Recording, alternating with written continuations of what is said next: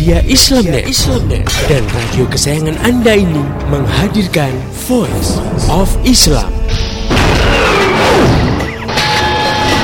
Ada di antara kita yang berpikir ah, kalau awalnya rezeki kita sedikit nanti jadi berubah jadi banyak. Iya. Kalau awalnya jodoh kita itu yang itu nanti jadi yang ini siapa tahu yang lebih baik misalnya ya. Iya. Yaitu sebenarnya adalah satu ilmu yang kita tidak sanggup untuk memikirkannya. Yang penting adalah doa itu bagian dari kewajiban seorang hamba. Itu yang penting. Jadi kita harus selalu berdoa. Hmm. Jadi Allah Subhanahu wa taala memerintahkan kita Iya. untuk selalu berdoa ya. Dan Allah berfirman ya, "Berdoalah kepadaku, niscaya kuperkenankan bagimu." Hmm. Sesungguhnya orang-orang yang menyombongkan diri dari ibadah kepadaku akan masuk neraka jahanam dalam keadaan hina.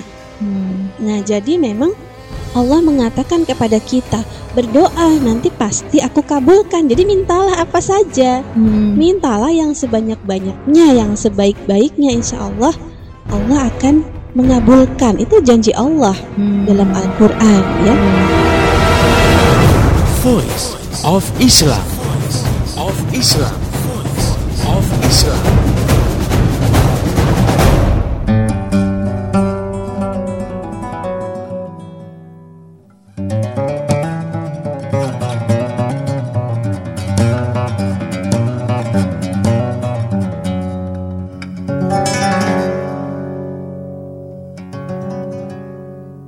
Bismillahirrahmanirrahim. Assalamualaikum warahmatullahi wabarakatuh. Halo Indonesia, halo pendengar yang budiman sekalian. Ketemu lagi dengan saya Akbar Pembebas dalam program Voice of Islam. Kerja bareng media Islamnet dengan radio kesayangan kamu ini. Insya Allah seperti biasanya selama kurang lebih setengah jam ke depan Voice of Islam akan hadir menemani Anda semua. Yang kali ini kita akan berada dalam sebuah rubrik Hibun Nabawi. Untuk itu Alhamdulillah pada kesempatan kali ini Di studio kita sudah hadir seorang narasumber Yang nanti akan berdiskusi serta berbincang-bincang dengan kita semua. Langsung saja saya perkenalkan narasumber yang sudah hadir pada kesempatan kali ini. Beliau adalah Ustadz Munawir. Nah, Baik langsung saja kita sapa dulu beliau. Assalamualaikum Ustadz. Waalaikumsalam warahmatullahi wabarakatuh. Gimana hari ini kabarnya sehat Ustadz? Alhamdulillah baik-baik saja sehat. Ya, Alhamdulillah mudah-mudahan pendengar yang budiman di mana pun Anda berada juga dalam kondisi yang sehat walafiat tentunya. Nah baik, pada kesempatan kali ini kita akan berdiskusi atau kita akan berbincang-bincang dengan sebuah tema yang berjudul Hakikat Kesurupan dan Terapinya. Nah kita tahu ya dewasa ini banyak kita jumpai kasus-kasus kesurupan, orang yang kemasukan jin, bahkan sampai-sampai ada yang kesurupan massal gitu kan di beberapa tempat tertentu. Nah kita akan coba bahas tentang hal ini dan bagaimana Islam menyikapi masalah ini tentunya termasuk juga kita akan coba bahas gimana cara menterapi orang-orang yang kesurupan tadi. Nah, baik namun sebelum itu kita ini dulu kita coba kenali dulu sebenarnya kesurupan itu sendiri apa sih Ustaz definisi definisinya Ustaz? Iya, jadi kesurupan itu kalau di istilah Arab itu mas namanya. Jadi Allah Subhanahu wa taala berfirman di dalam Al-Qur'an surah Al-Baqarah mengatakan a'udzubillahi minasyaitonir rajim. Alladzina ya'kuluna riba la yaqumuna illa kama yaqumul ladzi yatakhabbathu asyaitanu minal mas. Allah berfirman mengatakan orang-orang yang memakan harta-harta riba, orang memakan harta riba itu dia tidak bisa berdiri tegak.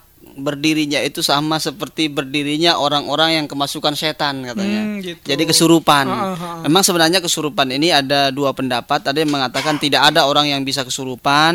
Nah, tapi jumhur ulama mengatakan dengan dalil tadi bahwa orang kesurupan itu ada. Karena Allah menggambarkan ada manusia yang berdirinya tidak tegak, berdirinya seperti orang yang kesurupan. Nah, yaitu orang-orang yang makan uang yang riba, barang-barang yang riba. Jadi kesurupan itu sendiri adalah proses masuknya si jin itu ke dalam tubuh manusia. Oh, nah, iya, iya. dia masuk ke dalam tubuh manusia.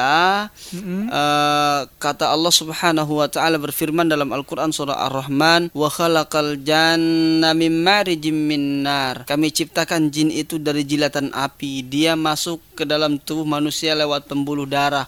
Dia berdiam di darah manusia itu dan dia berada bermainnya di pikiran manusia. Nah, jadi itu kesurupan tadi masuknya jin itu ke dalam tubuh manusia. Nah, terus kalau gitu sebenarnya apa nih Ustaz yang menyebabkan jin itu bisa masuk ke tubuh manusia Ustaz? Ya, apa sih sebenarnya yang bisa menyebabkan si jin itu gampang masuk ke dalam tubuh manusia ya? Ah, Syekhul Islam Ibnu Taimiyah Abdullah bin Bas mengatakan masuknya si jin ini ke dalam tubuh manusia hanya dua penyebab. Penyebab yang pertama adalah karena dia suka sama orang itu. Oh gitu. Nah, penyebab yang kedua adalah dia benci sama orang itu. Nah, hanya dua ini penyebabnya Hmm, nih. Kalau dia tidak suka, maka dia benci sama orang itu. Hmm, Maka dengan itu dia akan masuk ke dalam tubuh orang tersebut. Mm-mm. Nah, itu yang menyebabkannya.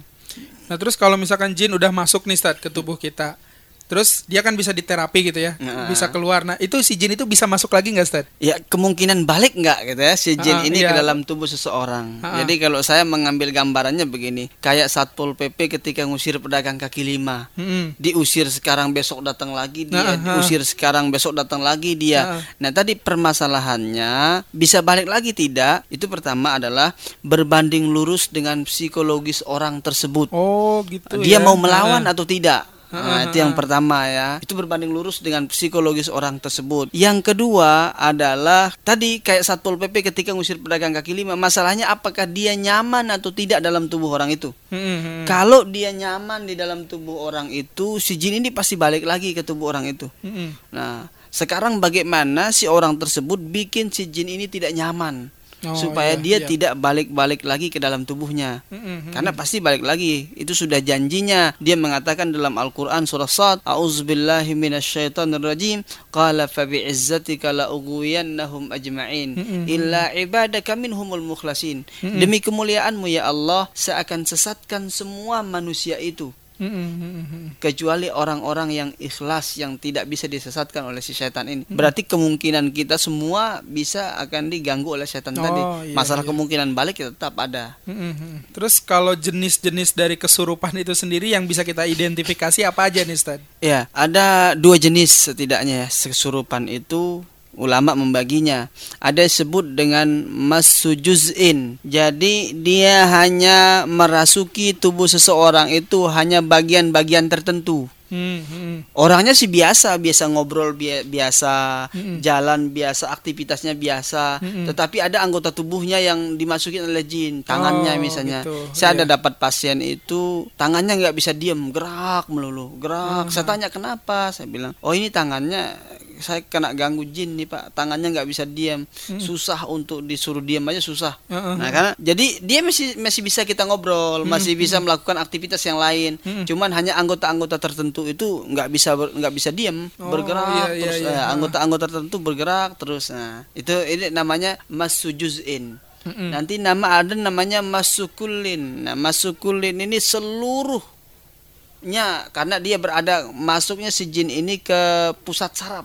Oh gitu. Karena masuknya ke pusat saraf sehingga orang ini sama sekali tidak berdaya, tidak ingat apa-apa, dia tidak ingat apa yang terjadi, hilang sudah semuanya. Hmm, nah, gitu. biasa ada yang sampai pingsan, itu orang-orang yang kesurupan tidak ingat apa-apa. Makanya kan orang kesurupan itu kadang ngomongnya tidak terkontrol, Hmm, kadang maki-maki orang yang ada di sekitarnya, nonjok orang tuanya sendiri, orang-orang terdekatnya. Hmm, Karena tadi sudah tidak sadar. Jadi kesurupan itu total, total karena pusat sarafnya yang dimasuki oleh si setan itu sendiri. Mhm. Kalau dewasa ini kan kita sering perhatikan ada fenomena yang namanya kesurupan massal nih, Stad. Nah, sebenarnya dalam tinjauan Islam, Stad, gimana sih fenomena kesurupan massal ini dan gimana cara menanganinya, Stad? Ya, bagaimana uh, kesurupan massal dan bagaimana cara menanganinya. Jadi yang jelas saat ini adalah manusia saat ini pola pikirnya sudah berubah. Hmm. Jadi orang itu lebih ngetren itu nonton band ya, Iya, nonton datang ke bukan datang ke pengajian tapi datang ke konser-konser Ha, ha, ha. yang membuat mereka lalai lupa. Dengan ini sangat menggampangkan bagi si setan itu masuk. Hmm, hmm. Dan kalau itu terjadi, masalahnya ketika terjadi ada orang yang kesurupan, yang lainnya panik. Hmm, Nah, iya, karena iya. yang lainnya panik ikut juga kena. Karena setan ini sangat senang dengan orang-orang yang panik. Oh, gitu. Oh, jadi Ha, akhirnya banyak secara massal kesurupannya. Hmm, hmm, hmm, Nah, secara massal kesurupan dan ini banyak sekali terjadi. hmm, hmm. Nah, bagaimana cara menterapi kasus seperti ini? Jadi, cara yang harus kita lakukan yang pertama adalah kita suruh orang-orang yang belum kesurupan ini berlindung dulu kepada Allah. Oh, Nah, misalnya iya, iya. kesurupan di sebuah sekolah ini, masih siswanya banyak. Nah, yang lain yang belum kesurupan ini kita suruh dulu berlindung kepada Allah biar tidak kesurupan lagi. Hmm, Nah, hmm, berlindung dulu kepada Allah. Nah, setelah itu baru kita kasih tahu tidak boleh panik ya. Hmm, Nah, baru setelah itu kita evakuasi ini, evakuasi yang eh, kesurupan ini. Heeh. Nah, karena kalau kita tidak evakuasi, saya khawatir tadi ada yang ikut nonton itu orang panik karena setan tadi senang sama yang panik-panik tadi. Oh gitu. Ah, Heeh, jadi kita evakuasi, baru setelah kita evakuasi kita panggilkan perukiah Hmm, atau kita rukiah sendiri, kita bacain ayat-ayat Al-Qur'an. Mm-mm, mm-mm. Nah, pada prinsipnya sebenarnya kesurupan ini tidak begitu susah untuk menanganinya. Karena biasanya dia hanya selewat ya. Hanya masalah orang ini kita sadarkan dan kita ingatkan dia supaya tidak bengong lagi, tidak melamun lagi ya. Iya. Jadi tadi yang pertama tadi caranya adalah kita suruh orang yang belum kesurupan itu berlindung kepada Allah. Mm-mm, mm-mm. Nah, yang kedua adalah kita evakuasi yang orang yang udah kesurupan ini. Mm-mm, mm-mm. Nah, yang ketiga adalah baru kita bacain ayat-ayat rukiah atau kita panggilin para perukiah perukiah setempat gitu Hmm. untuk menterapinya. Kalau ayat-ayat rukyah tadi sendiri, Ustaz, kira-kira Hmm. apa aja, Ustaz? Ayat-ayat yang bisa dibacakan untuk merukyah, Ustaz? Ya, ayat-ayat apa saja yang bisa dibacakan untuk meruqyah. Jadi Allah Subhanahu wa taala berfirman dalam Al-Qur'an surah Al-Isra mengatakan a'udzubillahi minasyaitonirrajim wa nunazzilu minal qur'ani ma huwa syifaa'un wa rahmatul lil mu'minin. Dan kami turunkan dari Al-Qur'an itu sesuatu yang menjadi kesembuhan. Pada prinsipnya ayat mana saja. Oh, gitu. Ah, tetapi kita mendahulukan ayat-ayat yang memang secara khusus disebutkan oleh Nabi. Mm-mm, mm-mm. Nah, oleh Nabi seperti misalnya eh, kita merukyah dengan suratul Fatihah. Hmm, iya, iya. Kita bacain Al-Baqarah karena ada hadisnya, Ali Imran, kita bacain doa-doa perlindungan, Al-Muawizatain, Al-Ikhlas, Al-Falaq, An-Nas. Nah, itu perlu dibaca. Ayat kursi, dua ayat terakhir dari Al-Baqarah, As-Saffat, banyak sekali. Sebenarnya mana saja dari Al-Qur'an itu bisa Oh, iya. untuk dibacakan ayat Al-Qur'an. Jadi jangan khawatir. Oke, oke pendengar yang budiman, diskusi akan kita lanjutkan setelah jeda berikut ini. Jangan ke mana-mana, tetap setia di Voice of Islam. Bila hati dipenuhi rasa putus asa Dan dada yang luas menjadi sempit Oh terasa tadi suka datang menimpa. Serta banyak musibah yang dialaminya. Hingga ia tak melihat melepaskan diri dari bahaya dan tiada guna semua upaya. Ya Allah, aku serahkan urusan ini kepadamu. Maka datanglah pertolongan kepadanya Bila hati berserah diri pada Allah Robnya Pertolongan dari Tuhan yang maha lembut Lagi maha memperkenankan doa. Maka datanglah pertolongan kepadanya. Bila hati berserah diri pada Allah Robnya Pertolongan dari Tuhan yang maha lembut Lagi maha memperkenankan doa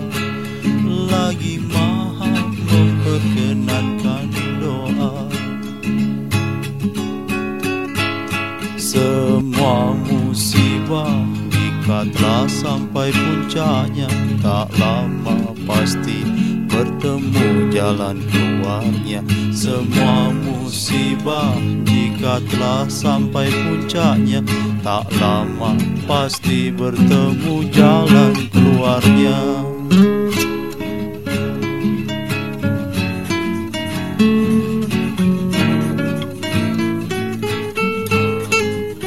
tak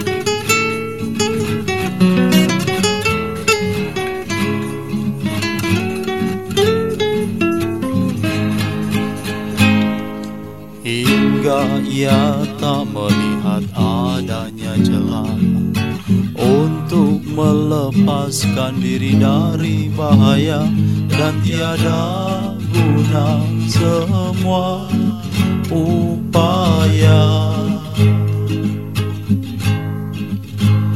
Maka datanglah pertolongan kepadanya Bila hati berserah diri pada Allah Robnya. Pertolongan dari Tuhan yang maha lembut Lagi maha memperkenankan doa. Maka datanglah pertolongan kepadanya. Bila hati berserah diri pada Allah Rohnya Pertolongan dari Tuhan yang maha lembut. Lagi maha memperkenankan doa. Lagi maha memperkenankan doa. Semua musibah jika telah sampai puncaknya Tak lama pasti bertemu jalan keluarnya. Semua musibah jika telah sampai puncaknya Tak lama pasti bertemu jalan keluarnya Masih Anda ikuti Voice of Islam. Jangan ke mana-mana, ikuti acara ini hingga tuntas nanti. Tuntas nanti, tuntas nanti. Voice of Islam, persembahan media Islamnet dan radio kesayangan Anda ini. Voice of Islam, Voice of Islam, Voice of Islam.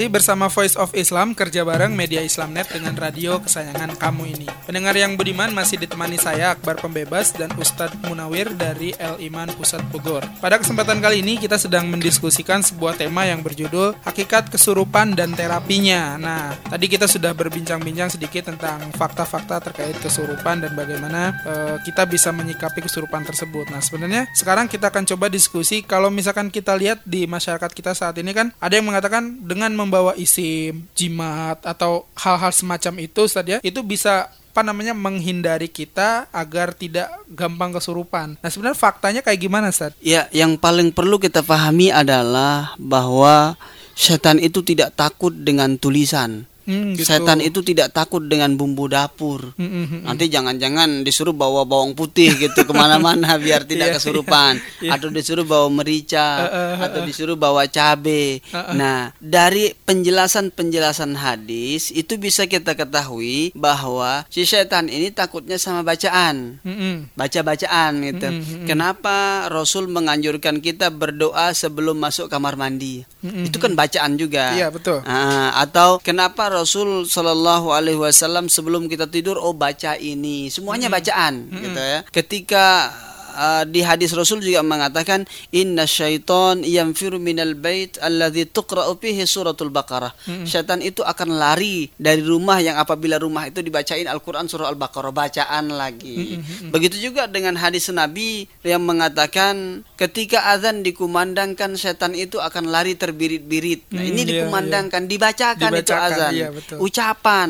Nah, jadi sekali lagi bahwa setan itu tidak takut dengan bumbu dapur nih. setan itu tidak takut sama pajangan. Nah, kekhawatiran kita banyak yang terjadi di masyarakat kita memajang sesuatu di rumah dengan tujuannya tadi untuk mengusir setan. Ada juga yang salah kafrah, tempel ayat kursi di rumah biar setan tidak bisa masuk gitu. Iya, iya, Nah, iya. itu salah kaprah. Yang jelas kita menempel ayat kursi bukan untuk mengusir setan. Ayat kursi kita tempel bisa untuk mengingatkan kita supaya sering Baca. membaca gitu ya, membaca ayat Al-Qur'an atau membaca ayat kursi tersebut. Nah, jadi yang jelas dengan membawa jimat, dengan membawa isim justru akan mempergampang orang itu untuk kesurupan. Oh gitu. Hmm, karena apa? Karena ada jaringannya di sana kan gitu. Ada Iya, iya. jaringannya. Jadi dia sudah melakukan kemusyrikan, dia sudah eh, menggantungkan dirinya kepada sesuatu yang sebenarnya tidak ada hubungannya, Mm-mm. yaitu kepada jimat tadi. Mm-mm. Kan musyrik itu bukan orang yang lain. Musyrik ini adalah orang yang memiliki pemahaman ganda. Selain Mm. percaya kepada Allah, dia percaya kepada jimat tadi. Mm-mm, mm-mm. Dia tawakalnya berkurang kepada Allah. Dia dengan membawa jimat itu dia lebih enak. Dia membawa isim itu dia lebih nyaman. Ah, Dia ah. merasa terlindungi. Padahal Allah mengatakan Allahu waliyul ladzina amanu. Allah lah yang menjaga orang-orang yang beriman, bukan jimat, bukan isim, bukan wafak. Nah, ini pemahaman yang salah. Hmm, gitu. Iya, iya, iya. ah. Nah, tadi kan Ustadz Munawir bilang cara menterapi orang yang kesurupan adalah dengan rukyah syariah. Nah, pertanyaan saya kemudian, berapa lama nih Ustadz kira-kira waktu yang dibutuhkan untuk melakukan terapi agar menyembuhkan orang-orang yang kesurupan tadi, Ustadz? Ya, nanti biasanya setelah rukyah itu baru ketahuan ya, apakah kesurupannya itu ada bakat sebelumnya atau tidak. Nah, Maksud saya ada bakat sebelumnya di beberapa kasus kesurupan yang saya tangani, biasanya orang-orang yang kesurupan itu you dia sudah ada bakat. Dulu pernah diisi oleh kakeknya katanya. Oh, gitu. Dia punya amalan-amalan ilmu ilmu ilmu yang aneh, ilmu-ilmu yang tidak jelas. Hmm, hmm, Nah, dia sudah ada bakat. Jadi dia tubuhnya itu kayak magnet. Oh. Jadi mau ke mana aja sering akan ditempeli oleh setan Iya, tadi. iya, iya, dia dibawa ke gunung, kena dia kesurupan. Heeh. Dia dibawa ada kemahan-kemahan acara-acara qiyamul lail gitu. Hmm, Kesurupan dia paling sering gitu ya. Kenapa? Udah ada bakat. Nah, kalau yang ada bakat seperti ini, Hmm. pertama yang harus dilakukan orangnya suruh bertaubat kepada Allah, Hmm. membuang. Kalau dia punya ilmu, buanglah ilmunya sejauh-jauhnya, buang. Hmm, hmm. Kita hanya bertawakal kepada Allah. Kalau ada amalan-amalan yang tidak sesuai sunnah, yang tidak pernah diajarkan oleh Nabi, itu harus dibuang. Hmm. Kembali kita harus melakukan amalan-amalan yang diajarkan oleh Nabi. Iya, iya, nah, iya. itu bergantung masalah penyembuhan tadi. Mm-mm. Nah, kalau kesurupan itu hanya selewat saja, dia tidak ada latar belakangnya orang yang bermasalah, dia tidak pernah dulunya pernah pasang susuk, dia tidak pernah belajar ilmu-ilmu yang aneh-aneh, Aneh. Dia tidak pernah diisi, dia tidak pernah ada keturunan yang orang sakti-sakti dulu. Nah, itu kemungkinan menterapinya sangat gampang. Bisa saya sekali dua kali rukyah udah hilang tuh. Oh, gitu. Insya Allah sembuh. Tetapi kembali lagi ketika masalah itu idealnya adalah dirukyahnya setiap hari. Oh, gitu. Orang-orang yang kalau kesurupannya tadi ada bakat. Hmm, Jadi iya, cara iya. yang pertama tadi harus dia bertaubat kepada Allah, Hmm. dia buang tuh kalau ada ilmu-ilmunya, kalau ada hal-hal yang tidak sesuai dengan Islam Hmm. harus dibuang. Nah, yang kedua adalah eh, dia harus melakukan terapi. Hmm, Nah, gitu. sekali lagi bahwa terapi yang seperti ini tidak bisa sekali. Mm-mm. Jadi butuh beberapa kali. Ada orang yang dibutuh, ada orang yang saya terapi dua kali sembuh, tiga kali, Mm-mm. ada yang empat kali, ada yang butuh berkali-kali. Oh, nah, gitu. kembali lagi tadi bagaimana uh, psikologis orang ini sendiri. Mm-mm. Nah, orang yang kesurupan ini nih mau nggak dia supaya tidak kesurupan gitu? Ada nggak semangat dia untuk itu gitu? Nah itu harus ada seperti itu. Ya berarti harus ada semangat dari orangnya betul, juga, Ustadz ya. betul. Itu yang menentukan. Ya. Nah kalau misalkan gini Stad, ada ada kasus orang itu menterapi orang yang kesurupan tapi via jarak jauh, via telepon gitu, terapi jarak jauh Stad. Gimana Stad? Iya, ada yang sejauh ini memang sering kita dengar ya. Ada orang hanya disuruh bawa foto, bisa Iya, diterapi lewat heeh, foto ya. Atau dari jauh cuman nanya nama dan nama orang tuanya, alamatnya di mana, dia bisa sembuh. Nah, ini hal-hal yang tidak masuk akal. Oh gitu. Karena Nabi. Shallallahu Alaihi Wasallam dulu ketika menterapi Utsman bin Abil As, Utsman bin Abil Asnya datang kepada Nabi. Mhm. Nah, tidak tidak lewat surat gitu. Datang langsung menemui Nabi mengatakan ya Rasul saya sering banget lupa jumlah bilangan rakaat sholat saya. Mm-hmm. maka Rasul Shallallahu Alaihi Wasallam menterapinya mengatakan oh ini kamu diganggu oleh syaitan. Dan setelah itu dia mengatakan demi Allah saya tidak pernah diganggu lagi. Saya tidak pernah lupa jumlah bilangan rakaat sholat saya lagi. Nah, artinya apa? Bahwa kemungkinan sesuatu di luar batas kemampuan manusia saya khawatir itu adalah sihir. Oh. Cara menterapinya itu menggunakan sihir. Mm-mm. Ya sama sama wae kalau bahasanya. Jadi sama saja dengan cara-cara yang tidak diperbolehkan. Kita dibolehkan melakukan terapi tapi Nabi mengatakan wala tadawau al haram. Janganlah melakukan terapi-terapi yang diharamkan oleh Allah itu sendiri. Nah, tadi dengan jarak jauh gimana mengobatinya? Pertama tidak diwahyu, tidak diajarkan. Yang kedua secara ilmu kedokteran juga belum bisa. Oh gitu. Belum gimana? Bisa nggak kita transfer kesembuhan orang? Orang tidak perlu datang ke rumah sakit jadinya kan Iya, gitu. iya, iya. Kalau ada orang sakit nggak perlu datang ke rumah sakit, dokternya aja transfer aja atau via SMS gitu ya. SMS sembuh. SMS sembuh gitu. Nah kalau doa boleh, misalnya dia datang ke sebuah seorang kiai bukan dia yang datang tapi bapaknya atau keluarganya mengatakan kepada kiainya ya kiai anak saya sakit minta doanya. Mhm. itu nggak ada masalah kan didoakan. Didoakan, yang iya. menyembuhkan adalah Allah. Nah yang nggak boleh itu adalah oh ini fotonya. Oh bisa disembuhkan dari jarak jauh. Nah itu yang bermasalah ini. Nah yang kedua tadi adalah dengan eh, men- hanya menyebut namanya alamatnya tanggal lahirnya Mm-mm. binnya siapa? Nah, Hmm, itu hmm, bisa disembuhkan dari jarak jauh. Itu susah untuk dimasukkan logika dan tidak ada dalam syariah Islam seperti itu Oh gitu, oke. Terakhir nih, Stad. Kiat-kiat buat kita semua, buat termasuk buat pendengar yang ada di rumah juga. Gimana sih kiat-kiat agar kita tuh tidak gampang kesurupan nih, Stad? Gimana, Ya, Stad? Apa kiat-kiat kita tidak gampang kesurupan? Jadi sekali lagi, setan itu akan masuk ke dalam tubuh manusia beberapa kondisi orang itu tersebut. Mm-mm. Yaitu kondisinya adalah asyadul khawf. Orang itu takutnya kelewatan takut.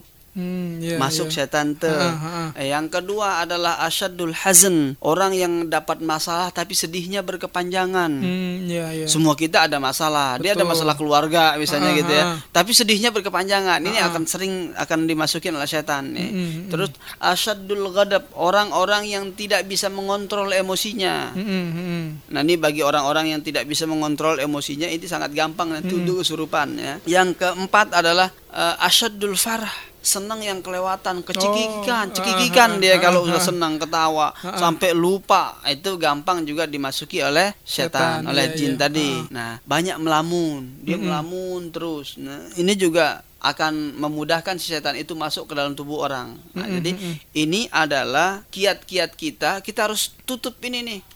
Kayak kita bilang kepada seorang petani, eh Pak petani, selain dikasih pupuk tanamannya, tolong dong dipagar juga, nah, supaya tidak gampang masuk binatang. Iya, iya, Ada betul. kambing yang masuk nanti kan ya, ah. Nah, supaya tidak gampang masuk kambing itu sendiri gitu. Mhm, mhm. Kasih dong pagar gitu, Mhm, iya. biar tidak gampang masuk gitu. Nah, jadi yang jelas adalah caranya, kiat-kiatnya. Yang pertama adalah aktifkan sholat kita, sholat fardu ya, sholat-sholat sunnahnya, sering tilawah, baca doa-doa al-maksurat yang diajarkan oleh Nabi, Mhm. dan yang terakhir adalah jaga kondisi seperti tadi. Oh, jaga iya. kondisi-kondisi yang sudah saya sebutkan tadi, mm-mm. yaitu dengan banyak melamun tuh jangan sekali. Hmm, ya. Baik, pendengar yang budiman itu tadi diskusi serta bincang-bincang kita dengan Ustadz Munawir. Mudah-mudahan dari diskusi tadi ada sedikit gambaran buat kita bagaimana kita menyikapi fenomena kesurupan yang marak saat ini terjadi dan mudah-mudahan kita senantiasa mendekatkan diri pada Allah agar kita tidak termasuk orang-orang yang mudah diganggu atau orang-orang yang mudah terkena kesurupan itu sendiri. Nah, baik untuk pendengar yang budiman sekalian yang ingin memberikan kritik, saran, masukan, atau apa pun itu, Anda semua bisa mengirimkan surat ke radio kesayangan Anda ini, atau bisa kirim email ke redaksi Voice of Islam di media islamnet@yahoo.com. Sedangkan untuk informasi lebih jauh tentang Voice of Islam, radio-radio di seluruh Indonesia yang menyiarkannya, juga info-info lainnya, Anda sekalian bisa mengakses website kami secara langsung di www.mediaislamnet.com.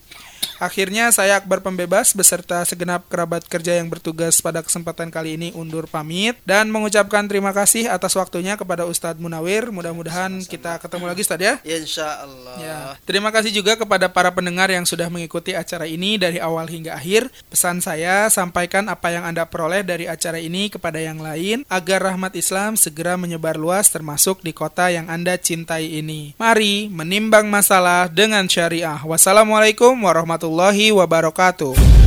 Baru saja, Baru saja Anda dengarkan Voice of Islam. Voice of Islam. Voice of Islam. Voice of Islam.